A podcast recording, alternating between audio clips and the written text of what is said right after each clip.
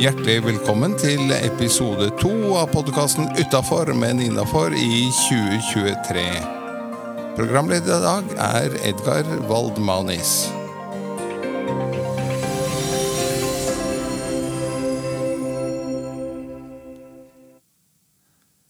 Ja, hjertelig velkommen.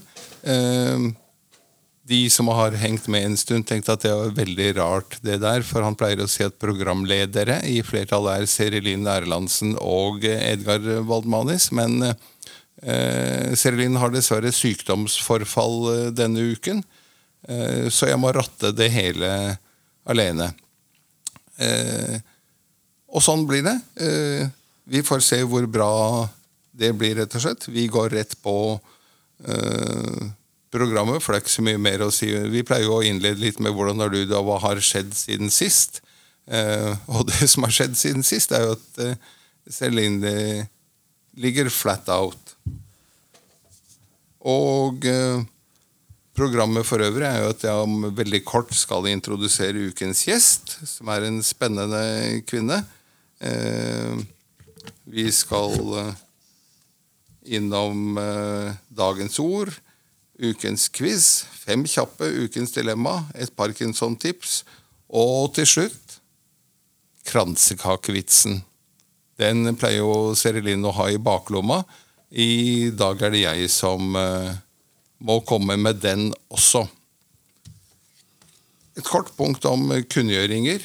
Uh, det som er nært forestående i alle Parkinson-foreninger land og strand rundt, er årsmøtene i månedsskiftet januar-februar. Og der skal det velges nye styrer, og jeg vet at det er mange valgkomiteer nå som ringer rundt og verver folk og har blanda mottakelse på det. Eh, og det er synd, for det er fantastisk verdifullt å sitte i et styre, og du kan helt sikkert bidra med noe, du òg. Og så fikk jeg en eh, hint her. Jeg så omtale fra Idrettsgallaen sist helg, hvor en av ildsjelene ble sitert på Hun sa at eh, dersom det blir spurt, så si ja. For du får alltid mye mer igjen enn det du gir. Og det gjelder våre styrer også. Du får garantert mye mer igjen enn det du gir. Og du treffer morsomme folk som deler og gir og bidrar. Så hvis du blir spurt, si ja. Og da hopper vi rett inn på ukens gjest, som er eh, Astrid Maria Rosenquist. Tidligere kemner i Oslo. Nå parkinsonist og pensjonist. Men eh, hjertelig velkommen, Astrid. Ja, takk skal du ha. Det var hyggelig å bli invitert. Ja. Og takk for den pene omtalen. Vær så god. Um, det er jo litt spesielt. Noen sier 'hvor kom eh, hun inn i bildet' hvis hun ikke har noen funksjon i Parkinsons sammenheng, for her pleier det å være et styremedlem eller eh, noe annet. Eh, saken er at eh, Astrid og jeg har kjent hverandre en del år. Vi er med på en årlig sommerfest på Sørlandet hvert år. Og eh, for noen år siden så eh, gikk Astrid til vertinnen på sommerfesten sin egen søster og sa at du, nå må noen eh, se å få Edgar til en eh, nevrolog, for han ser dårlig ut. Eh, Anne gikk til min kone, mye omveier her, og sa at du må få Edgar til en eh, nevrolog, for eh, Astrid er redd han har parkinson.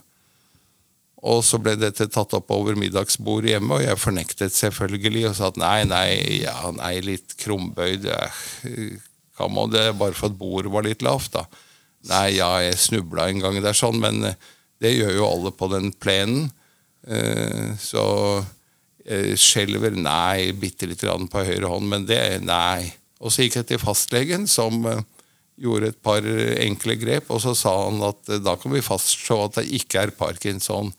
Og jeg var jo kjempehappy, men kanskje jeg skulle få en henvisning allikevel. Og så fikk jeg det.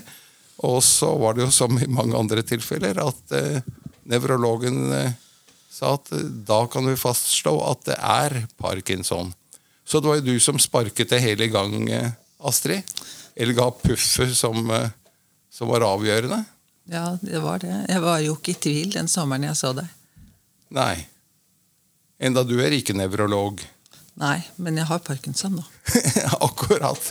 Og du har hatt diagnosen da eh, I seks-syv år. Nemlig.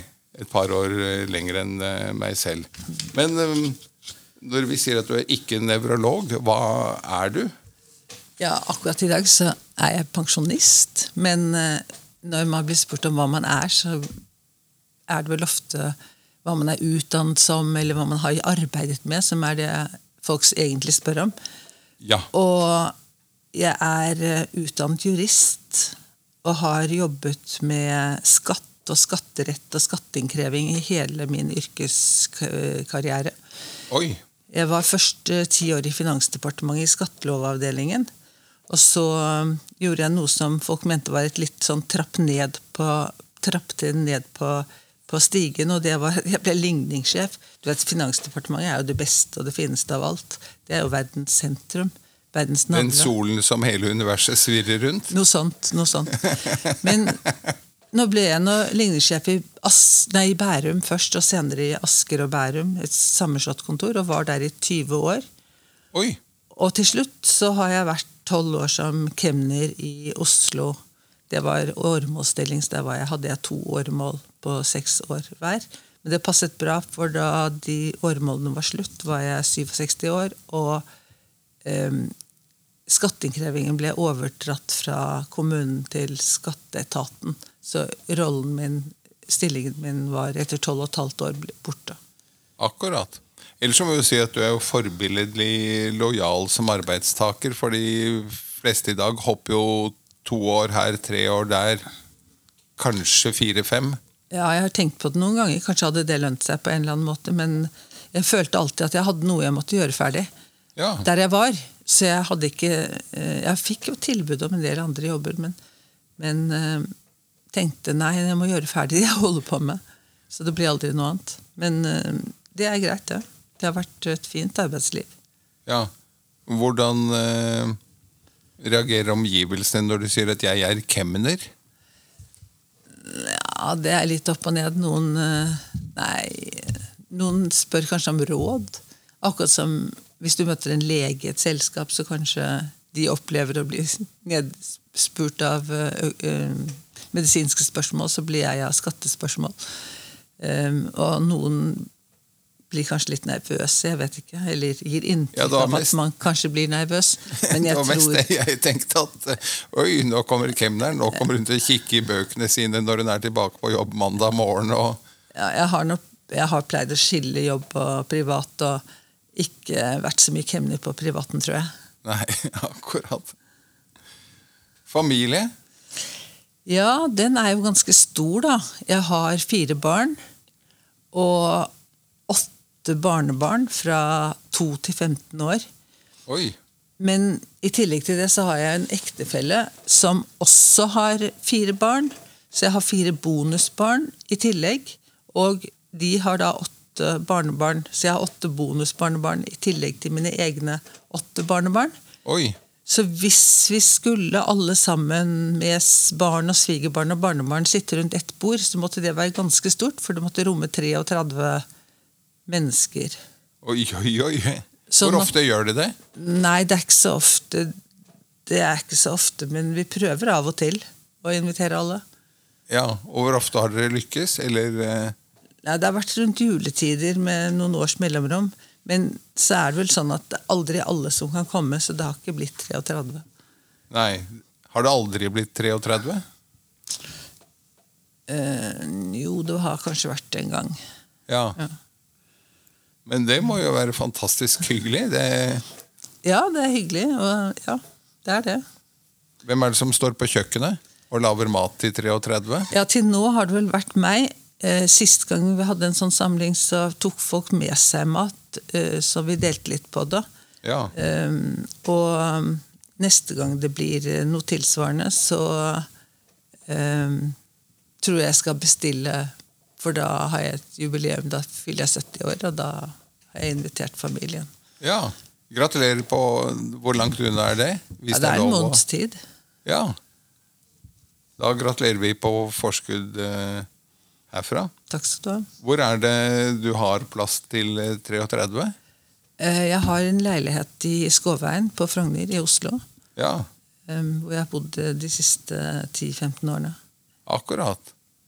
Og der er det plass til 33 rundt langbordet. Eller blir det småbord? eh? Ja, jeg må dele det på to. Men jeg, har, jeg kan faktisk, jeg har et bord jeg kan dekke til 24 rundt. Ja. Og så må vi ta resten på et annet bord, da. ja. Barnebordet. Barnebord eller stuebord eller hva. Ja, barnebordet med 16 barn. Ja, akkurat. Eh, hvis du skulle blitt noe annet enn jurist og skatteoppkrever Ja, det har jeg tenkt mye på. Eh, Men jeg har, tror nok det at jeg ikke gjerne kunne ha vært ingeniør. Um, Og grunnen til at jeg tenker på det, det er at um, jeg er veldig praktisk anlagt. Og jeg har alltid vært veldig flink i matematikk. Så de to tingene tenker jeg til sammen gjør at ingeniør kunne vært en god eh, jobb for meg. Ja. Og, og det har jeg tenkt litt på. Jeg har tenkt på det mange ganger. Det hadde vært litt spennende å være ingeniør. Hva slags ingeniør? Nei, det, så langt har jeg ikke kommet. Nei. Trebroer i Gudbrandsdalen? Nei, ak nei, det tror jeg ikke. Det måtte være noe Nei, det måtte være noe Nei, jeg vet ikke. Nei, Men ingeniør. akkurat. God gammeldags ingeniør. Ja. Du, hva er det Vi har også ofte lagt til en sånn liten fun fact. Hva er det bare noen få utvalgte vet om deg? Ja, noen få utvalgte, ja. Sånn små, en litt sånn liten hemmelighet. Ehm, det kunne jo kanskje være at jeg kan deklamere Terje Viken utenat. Eller eh, Hvor mange vers er det igjen? Ja, det er vel 43 vers, tror jeg. Herregud. Det er denne Det bodde en gråsprengt en på den ytterste nøkne ø. Ja, en gammel gråspekke. Ja. Akkurat. Og så Hva gjør at man lærer seg å, å deklamere ja, ja, det kan, lure, det kan du lure på, men um, det begynte med at Jeg tror vi begynte på skolen um, å lære noen av versene. Og så hadde jeg en mormor som bodde på sykehjem. Og så besøkte jeg henne forholdsvis ofte, men jeg hadde ikke så mye å snakke med henne om. Og da tok jeg, hadde hun Terje Viken liggende der, og så tok jeg den. Og hver gang jeg var der, så leste jeg Terje Viken for henne. Og det tok en halvtime eller vel så det. Og da kunne jeg takke for meg, si god natt og gå etterpå. Og når jeg hadde gjort det tilstrekkelig mange ganger, så tenkte jeg kanskje ikke boken for å lese Nei. lenger. Så det er et tips til eh, dem som har gamle slektninger som eh, bare setter pris på at det er et besøk, at det er et annet menneske der, og så kan man deklamere Terje Viken Ja, eller noe annet, da. eller noe annet. Men det passet bra, for hun var fra Sørlandet. Akkurat. Men ellers så har jeg også i mer enn ti år vært sauebonde på fritiden og hatt villsauer og lamaer. Det er det heller kanskje ikke så mange som vet.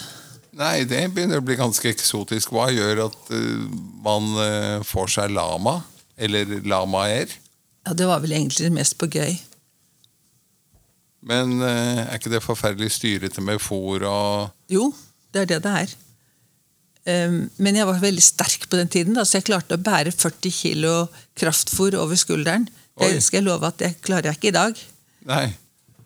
Men eh, må ikke disse klippes også? Sauene ble klippet, men det hadde vi noen som kom og gjorde. Ja. Og lamaene ble ikke klippet. Nei. De, um... Men nå snakker du i fortid. ja, Så dette er, eh, avskaffet. ja, men- ja, ti år siden. For ti år siden så av, ehm, ja, avskaffet vi. Så ga vi bort og spiste opp lamaene. Og, Oi. Hvordan smaker lama? ja, Omtrent som litt lyst viltkjøtt. Um, det er jo rødt kjøtt, men ikke så rødt som det vi tenker på med rødt kjøtt. Nei. Eh, og litt som vilt, men mildere og ikke, så, og ikke fett. Oi. Så da burde kanskje flere spise lama, da? Ja da. Akkurat. Du, Tilbake til deg og, og parkinson. Eh, du sier du har hatt diagnosen en seks-syv eh, år. Ja. Eh, det har jeg, Da hadde jeg vel allerede kjent på symptomer faktisk i, i noen år. Um, og så var det en dag jeg gikk og subbet gjennom Slottsparken på vei til jobb, som jeg hadde gjort uh, en stund. Um, det var jo veldig mye bulker i asfalten på den tiden som uh, bena mine hang seg opp i. Ja.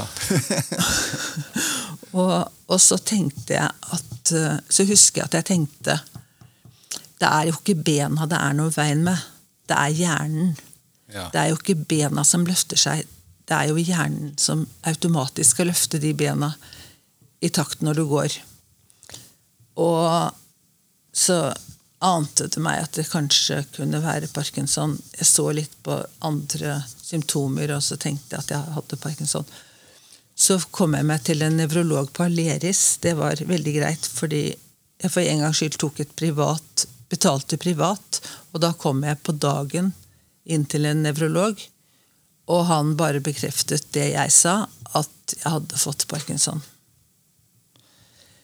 Um, en veldig hyggelig lege som senere har fulgt meg på Rikshospitalet. Um, veldig takknemlig for at jeg møtte han. Men det positive det var at jeg umiddelbart fikk um, medisin. Jeg fikk levodopa. Og at den medisinen hadde en merkbar god effekt med en gang. Allerede den første tabletten jeg tok, merket jeg en forskjell. Oi. På, det var ganske pussig, fordi eh, neste dag etter jeg hadde vært hos nevrologen, så skulle jeg ta min første Cinemitt-tablett. En liten tablett eh, som jeg tok på sengen om morgenen. Og så lå jeg pratet kanskje med mannen min i 20 minutter, og så sto jeg opp og så skulle jeg pusse tennene. Og så begynte jeg å le. Fordi jeg kunne pusse tennene helt normalt. Mens tidligere så var det sånn eh, altså krøkkete eh, ja, Sånn Parkinson-pussetennene. Ja. Eh, men nå kunne jeg pusse dem uten å skjelve på håndene eller å knote. Og det var, eh, det var en opplevelse. Og det varte jo en god del år, eh, hvor jeg kunne gjøre jobben min uten hindringer av sykdom, og uten å fokusere på sykdom i det hele tatt. Så det var ikke et tema på jobb overhodet. Eh, fortalte du kolleger eh, om diagnosen, eller? Jeg mener å huske at uh, du ikke var så åpen de første par årene? Nei, jeg ønsket ikke at det skulle være et fokus på jobb. Så det var to på jobben som visste det. Det var for å på en måte ha et sånn sikkerhetsnett i tilfelle jeg skulle bli dårlig og ikke kunne utføre jobben, men kanskje ikke se det selv. Så ville jeg at de skulle si ifra til meg. Men, eh, men jeg ikke, jeg fortalte det ikke til andre, for jeg ville ikke at jeg skulle være et fokus. Når du er leder, eh, har mange hundre ansatte, så um, syns jeg det var greit å ikke fokusere på en såpass alvorlig uh, sykdom. Og det slapp jeg å gjøre fordi at jeg fungerte veldig bra ja. med medisiner. Så det var i hvert fall positivt, eh, syns jeg. Etter jeg sluttet å jobbe, så har jeg vært eh, mer åpen. For det var bare det i forhold til jobben som var grunnen til at jeg ikke hadde lyst til å snakke om det. Ehm, men da har jeg også hatt dager hvor jeg har sett mindre lyst på fremtiden. Ehm, det er ikke ja, det er jo en ubehagelig sykdom å ha. Å tenke fremover, det er ikke så veldig smart. Men eh, jeg, i høst så fikk jeg tilbud om eh, opphold på Unike Fram i, i, på Rykken. Ja, legen min på Rikshospitalet hadde spurt mange ganger før. Men jeg utsatte det fordi jeg syntes ikke jeg kunne være borte fire-fem uker fra jobb og jeg følte også at jeg fungerte bra, som jeg sa. Um, så jeg utsatte et sånt opphold. Men um, da jeg var der i høst, så fikk jeg jo veldig en veldig forsterket forståelse av viktigheten av trening, og også godt kosthold og riktig medisinbruk. Um, der, kan vi legge inn en setning om hvem som pushet deg til et opphold på Rykken? På Uniker fram? Ja, det var jo legen på Rikshospitalet. Jeg kan vel erindre at jeg også sa til deg et par ganger at nå må du se å komme deg på fram. Eh, ja, ja, ja, ja, Uten den store entusiasmen. ja. ja da, det er helt riktig, det. Eh, Beklager. Jeg skulle ha tatt med deg den, eh, på den listen. Det er riktig, det. Du sa det, du sa det mange ganger. Du fortalte at du hadde vært der, og at du gjerne ville dra igjen. Og at dette syns du jeg skulle gjøre. Du sa det faktisk flere år, flere somre, tror jeg. Eh, Men jeg ventet nå litt eh, inntil eh, jeg for et år siden var hos legen, og så sa jeg at ja, nå kan jeg dra, men ikke før til høsten. Jeg hadde ikke lyst til å bruke våren på det. Nei. Det var en for, fin tid til å binde opp til et sånt opphold. Men jeg var der i høst, og det var, synes jeg, jeg fikk mer ut av det enn jeg hadde forventet. Og det er et sted jeg kan godt tenke meg å reise eh, tilbake til. Ja. Det var innsalg av uh, Uniker uh, Fram. Ja. Og jeg kan bare slutte meg til, for jeg har som sagt vært der ute en gang, jeg òg. Nå er de ganske strenge blitt på dette her, sånn, for det koster jo samfunnet penger, selvfølgelig, å ha deg eller meg uh, gående der ute. Så nåløyet er blitt eh, trangere, men eh, ja, absolutt å anbefale, i hvert fall for de som er eh, relativt eh, nydiagnostisert, syns jeg. Ja, det er vel sånn jeg har tenkt i etterhånd, at eh, jo før, jo heller. Fordi du får en forståelse av hva som er viktig, og da slipper du å bruke mange, kanskje flere år på å utsette den treningen og den, det du bør sette i gang med, selv når du er fortsatt ganske godt fungerende. Det er ikke så lurt å vente til du ikke fungerer, Nei. tror jeg. Men der hørte jeg jo også om eh, boksegruppen gjennom Oslo bokseklubb. Jeg hadde lest om det på forhånd, men der ble jeg veldig motivert og anbefalt å begynne på boksing gjennom Oslo bokseklubb. Og det har jeg da tatt til meg og gjort. Og siden jeg kom hjem fra Fram, så har jeg eh, vært en del på den boksingen, eh, Rocksteady Boxing, Ja. i Oslo bokseklubb, eh, som jeg vil anbefale. Hvordan reagerer omgivelsene når du sier at eh, jeg går på boksetrening? Jo, de syns det er veldig tøft, da. Eh, Spesielt barnebarna syns det å ha en mormor som driver med boksing, det er, eh, de flirer godt når jeg sier det. Men ellers så har jeg vel sett at regelmessig fysioterapi, svømming har jeg prøvd på en gang i uken i høst. Um, og denne boksingen, det har gitt meg positivt håp om flere gode dager fremover. Det er bra, for det er jo eh, Både Seriline og jeg fremsnakker jo hyppig trening jevnlig, og det gjør jo også lederen av Parkinsonforbundet, Parkinson-forbundet, Trygve. Sier jo at det er 50% medisinering og 50% trening. Og noen av oss går vel så langt som til å si at hvis du skal øke på en av de to, så bør det være treningen du gjør mer av.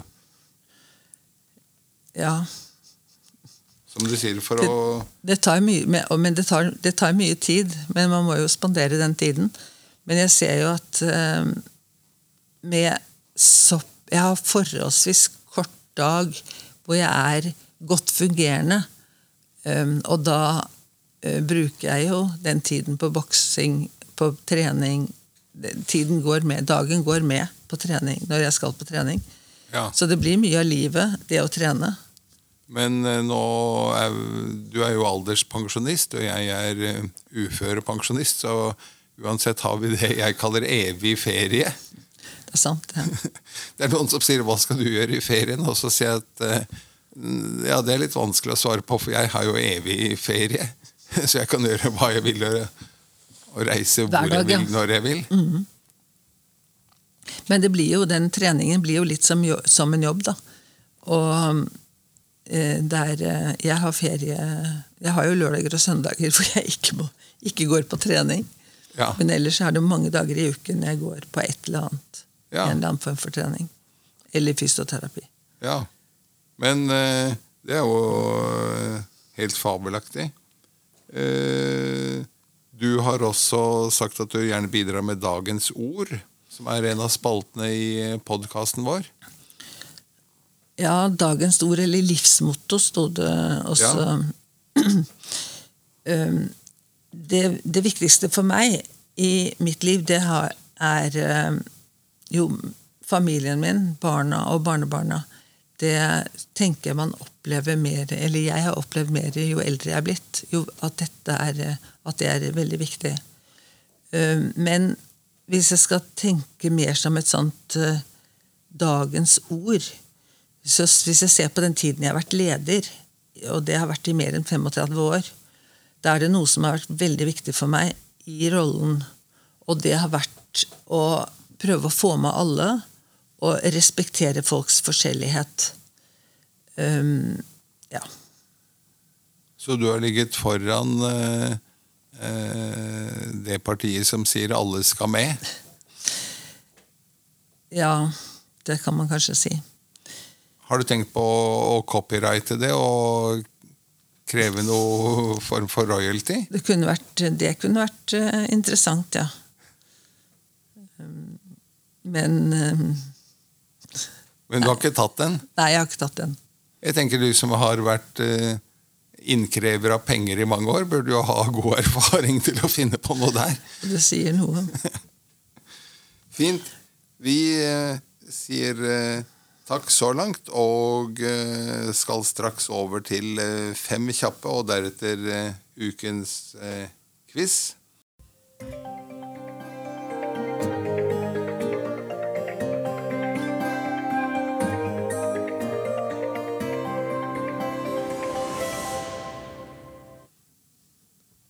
Neste spalte er Fem kjappe, Astrid. Og da galopperer vi rett på. Vin eller øl? Vann. Oi! Er du avholds? Nei, men jeg drikker ikke så mye. Men det får vel bli vin. Det er i hvert fall ikke øl. Det er i hvert fall ikke øl. Fjell eller sjø? Sjø. Fordi? Jeg vokste opp øh, med hytte ved sjøen og har satt veldig pris på det. Ja. Glad i vann og glad i å svømme. Radio eller TV? TV. Fordi? For det kan, den kan du bruke som radio også. Og um, Interessant med nyheter og bruk, Jeg har nok TV-en på litt for mye. Står og surrer i bakgrunnen. Akkurat. Er det noen serier du følger i øyeblikket? Nei, men jeg liker krim, da. Ja. Så hvis jeg ikke sovner fra slutten, så er det ganske bra. Ja. Jeg sovner eh, selv av og til midt i programmene. Jeg har en eh, personlig rekord på å sovne åtte ganger i løpet av Nytt på Nytt. Ja. Men eh, det kan jo ha andre årsaker. Mm. Bok eller avis? Avis. Og til slutt bil eller kollektiv? Ja, jeg kommer kollektiv hit i dag, da. Men jeg er jo glad i å kjøre bil. Ja. Så jeg sier kanskje bil. Akkurat. Men den er elektrisk. Ja, men det er jo et bra fremskritt. Hva er det? Er det en eh, Tesla, eller er det En MG? Nei, Tesla, nei. Ja, MG det var vel den billigste bilen jeg kunne få for uh, tre år siden. Um, og så har jeg senere byttet den inn i en nyere modell som gikk, går lenger. Men MG er noe av det billigste du får uh, på innenfor elektrisk bil. Nei, produsert i Kina, tegnet i England. Ja, akkurat. Hvor mange ganger må du lade på vei ned til eh, hytta på Sørlandet? Ja, Nå trenger jeg ikke lade i det hele tatt. Oi. Men jeg måtte en gang med den forrige bilen jeg hadde. Ja. Den første MG-en. Men nå har jeg 450 km omtrent i kjørelengde. Og det er hvor mange kilometer ned? 250. Å ja, men da har du jo fantastisk eh, god margin på mm. den. Om sommeren kan jeg nesten komme hjem. Ja, nemlig. Du, Parkinson-tipset. Ja. Har du sagt at du skal bidra med? Ja. Da vil jeg for det første eh, anbefale alle med parkinson, som jeg nevnte tidligere, et opphold på Fram eller et tilsvarende sted. Um, hvor det gis viktig kunnskap om kosthold, trening og medisinering. Men i det daglige så tenker jeg at det er viktig at vi finner ut hva som, er, hva som gir hver og en av oss energi. Um, om det er å være sammen med mennesker eller være for seg selv. Og så bruke noe av tiden på det som gir deg energi. Sikre at du får energi, ikke, ikke overdrive. Uh, du skal ha nok hvile, men at du alltid gjør noe av det som du vet gir deg energi. For jeg, jeg syns i hvert fall at det med parkinson, det er litt um, Det kan bryte deg litt ned. Og da er tanken på hva dette er. Og da er det viktig at du gjør ting som gir deg energi. Det var et eh, bra tips.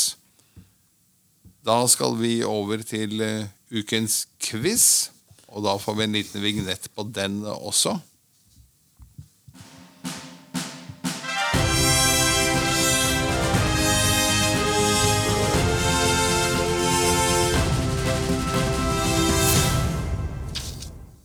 Det var en eh, feiende introduksjon til ukens quiz. Og da skulle vi jo vært to stykker på denne siden av bordet og, og deg på den andre. Nå må jeg klare meg alene. Ja, det blir spennende. Hva er temaet? Eh, den Temaet er eh, lett blanding. Astrids lett blanding. Ok. Eh, jeg fortalte at jeg hadde vært sauebonde, og i sauene de føder jo sånn ca. april-mai for de lam. Jeg har jo hatt opptil 70 lam på én vår. Ja. Men spørsmålet mitt, til deg, mitt første spørsmål til deg det er hvor lenge går en sau drektig? ja. Eh, hvor lenge kan det være, da? Eh, jeg har hørt at kuer går litt mindre enn et år. Eller mindre enn eh, Altså, vi mennesker går jo ni måneder. Eh, hva skal jeg tippe på sauer, da? Seks måneder? Det er fritt tips. Ja, det var ikke så verst, men det er ikke helt riktig, da. Eh, 21 uker, det er sånn ca. fire måneder, og tre uker, nesten fem måneder. Nesten fem. Ja. Jeg tok i litt, jeg, da. 147 dager, kanskje. Ok. Ja,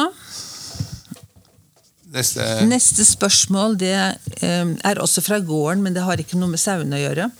Vi har en skog, og der hugger vi mye ved. Og nå som det er dyre strømpriser, så er det jo mange som også fyrer med ved. De fleste liker å fyre med bjørk. Ja, det er forskjellige grunner. Det er høy brennverdi, og det er en pen, pent eh, å se på kubbene Ja. eh, med den hvite, hvite neveren utenpå. Men skogen er jo full av forskjellige treslag, og hvis man bare skulle hugge bjørken for å ha ved, så ville det ikke bli så mye ved, men vi må ta med alt sammen. Men alle treslag har forskjellig brennverdi. For eksempel så har bjørk en brennverdi som man sier 2650, og det er da kilowatt-time per kubikkmeter bjørk. Ja. Granen har 2150, det er altså litt mindre. Og det, men det Ja. Eh, Dette, og dette er hvis veden er helt tørr, da. Ja. Hvilket treslag har høyest brennverdi? Og da ser jeg bort fra kristtorn og barlien som, har, som ligger helt på topp, som eh, jeg ikke ser på som et treslag, liksom. Hvilke treslag som det er naturlig å la bevege, har høyest brennverdi? ja, Da har vi jo vært innom bjørk og gran. Da må det vel være furu, da? Skulle jeg tippe. Eh, Nei, furuen ligger bare litt over granen og ligger godt under bjørken. Men Da, o, hva har vi da? Sånn askeavkok og askosp Ja, her er asp og osp. Ask og osp er to helt forskjellige. Har to, asken eh, har du rett i ligger veldig høyt oppe. Eh, ospen ligger langt nede. Okay. Bøk er det treslaget som har høyest brennverdi. Og så kommer ask og eik. Og alle vet vel at en kubbe eik, er eh, tung og har, Ja, brenner lenger enn en grankubbe som er ganske lett. Ja. Eh, og så har jeg da et tilleggsspørsmål til dette med brennverdi. Hva brenner lengst? Hva gir deg mest varme? Én kilo eik eller én kilo gran? Ja, det må vel være eiken, det da, siden den har høyest brennverdi. Så Ha-ha-ha, dette var et lurespørsmål. Når det er én kilo treverk, så gir det akkurat like mye brennverdi. Men én kilo eik tar mye mindre plass. Sånn at For det er mye tettere. mer tett, fortettet. Så en kubbe med eik vil gi deg mer brennverdi, høyere brennverdi og mer varme enn en kubbe med gran. Men når du går på eh, vekt, så vil volumet være mye større. riktig. Så hvis du fyller en Ikea-pose med eik, så vil den kanskje veie opptil 25 kilo.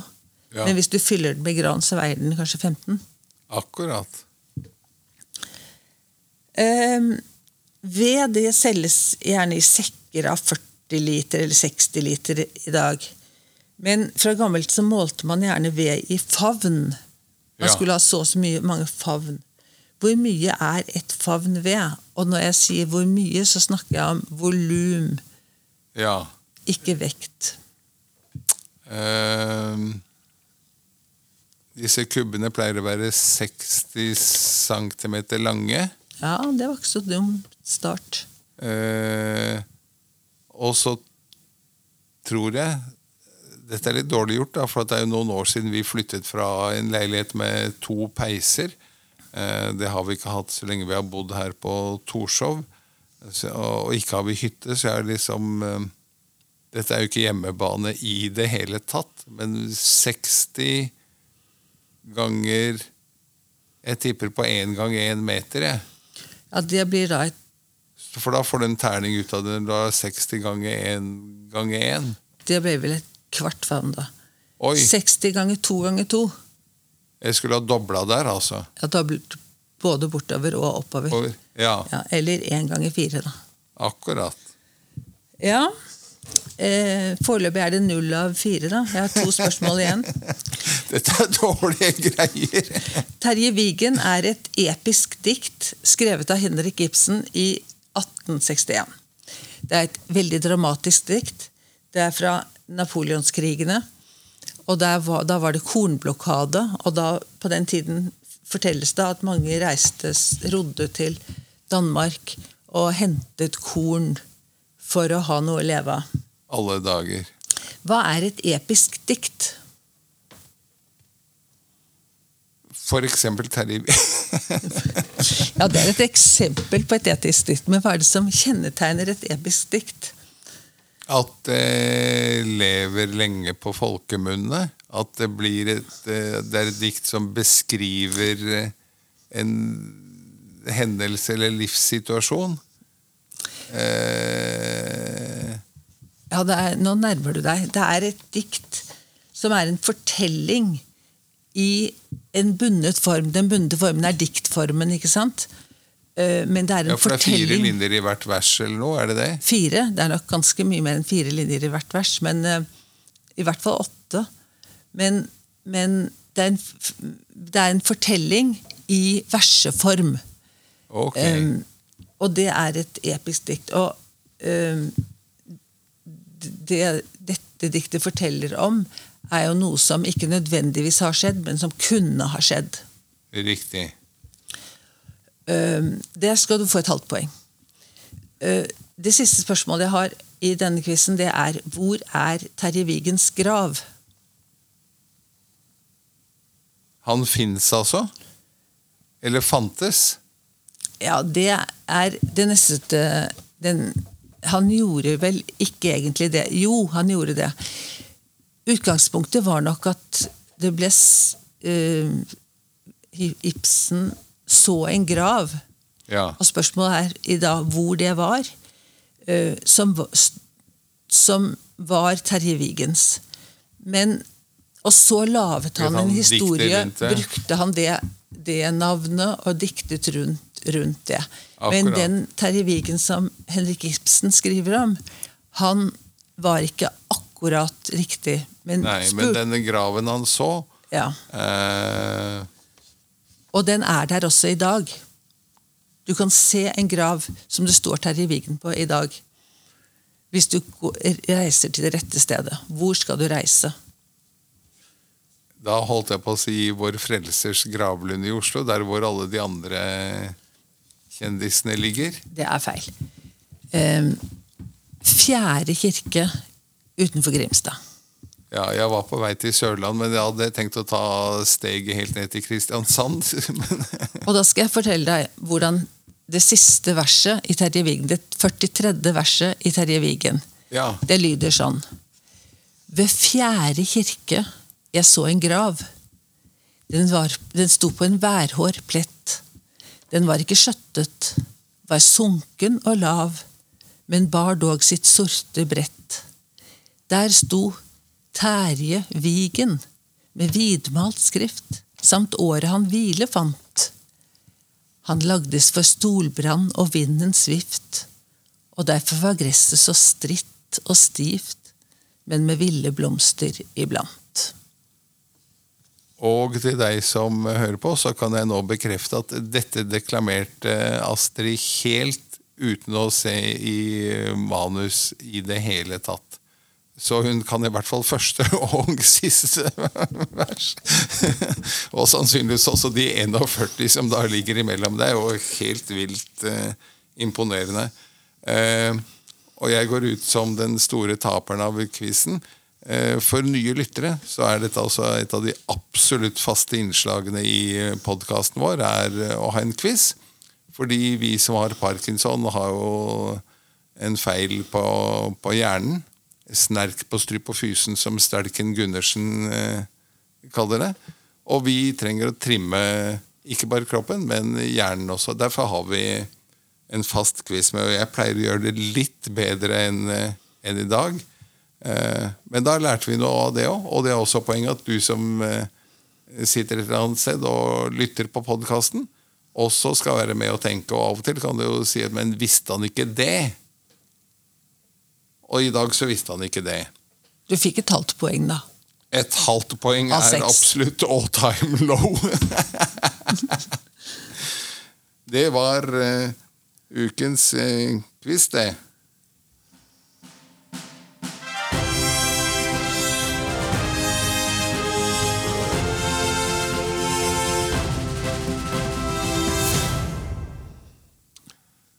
Da begynner vi å nærme oss eh, slutten på ukens episode. Og vi, og vi har eh, faktisk eh, bare ett punkt igjen. Hvis ikke du har noe å tilføye, Astrid, så er det bare kransekakevitsen som gjenstår. Dilemmaet, da. Ja, ukens dilemma skulle vi hatt. Har du et dilemma å komme med?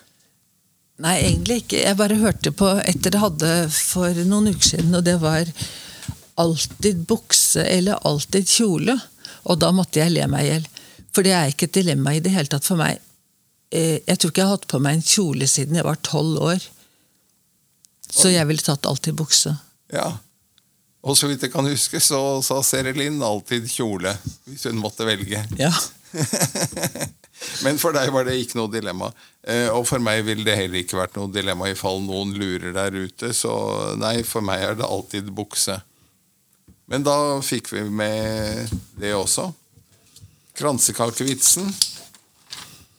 Der burde vi hatt en, eh, en eh, trommevirvel, men vi har bare en vits som lyder Det var en gang, men så ble det en korridor.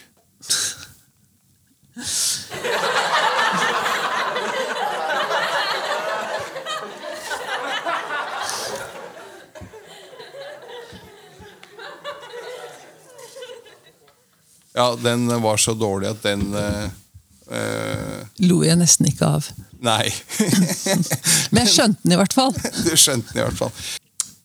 Det er eh, en liten ting vi har glemt, ser jeg nå av notatene mine. Og det er fordi Serelin ikke er med og holder knallhardt i tømmene som hun pleier.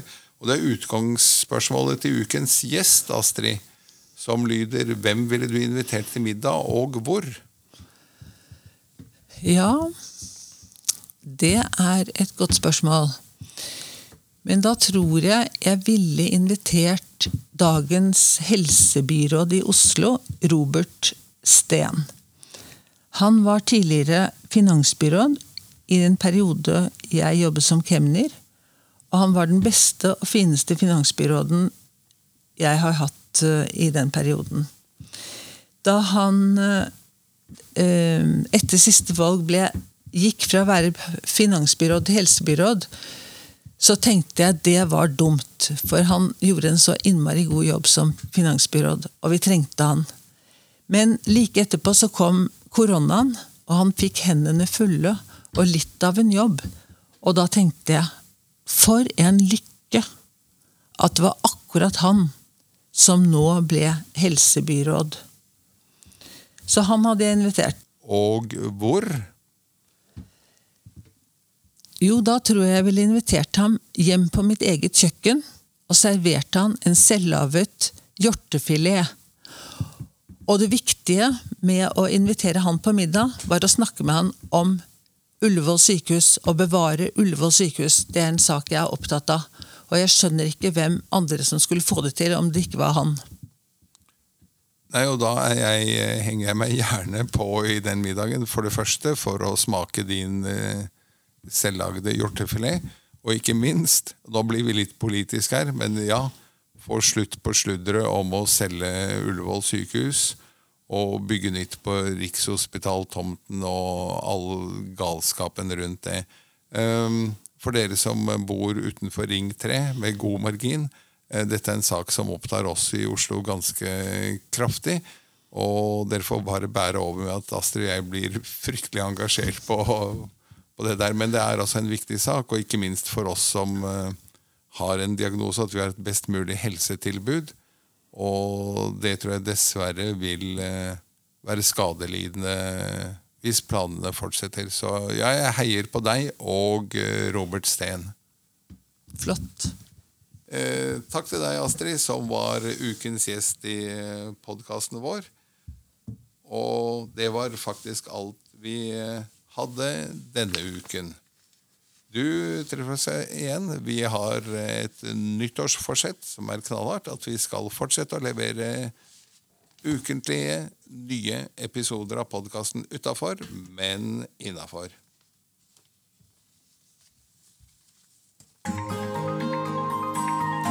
Det var eh, alt for denne gang i podkasten Utafor, men innafor fra Parkinsonforeningen Oslo.